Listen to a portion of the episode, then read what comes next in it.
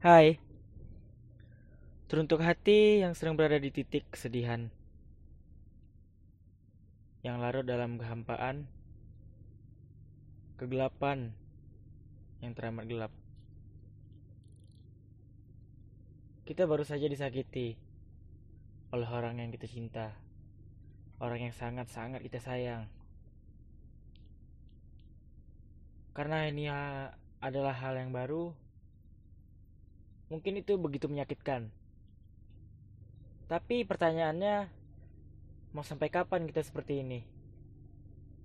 Ya, apa kita harus bersedih-sedihan? Haruskah kita ya hanyut dalam sungai yang kotor ini?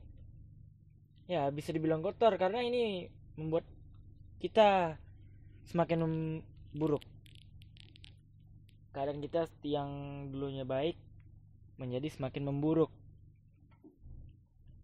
Tentu ada yang harus kita perbaiki di sini. Terutama tentang perasaan kita yang sedang terluka.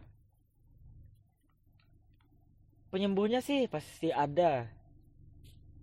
Ya, mungkin entah di mana entah itu di lautan entah itu di pegunungan entah itu di planet lain. Ya. Penyembuh itu akan segera datang. Kamu tenang aja. Jangan takut untuk memulai hal-hal baik. Mengobati luka sendiri dengan penyembuh yang ada di sekitar.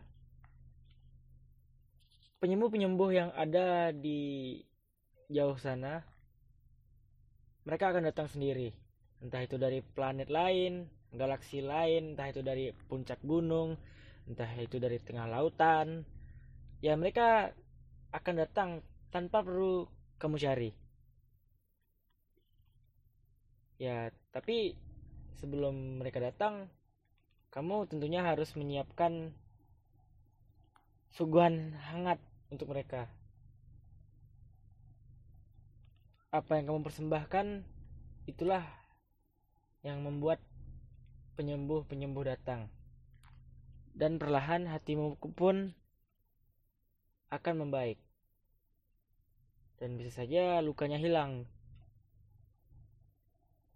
Entah itu meninggalkan bekas ataupun kembali seperti semula. Ya tergantung apa yang kamu sungguhkan untuk penyembuh. Hai itu tadi podcastan terbaru ya. Bukan podcast sama-sama lagi karena di episode kali ini. Dan untuk seterusnya aku akan memulai sebuah ya perbincangan dari mikrofon writer bah mikrofon writer. Ya dari dari pertakata. Pertakata ya bukan perkataka perbedaan kami itu berbeda sedikit. Pertakata itu aku Alji ya.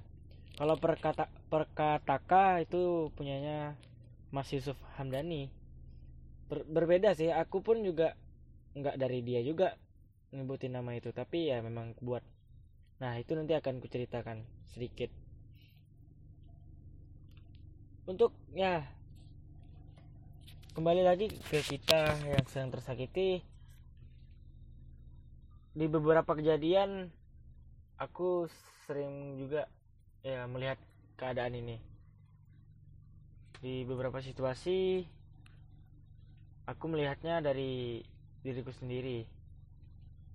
Tapi lebih banyak melihat orang-orang di sekitarku tersakiti. Ya mungkin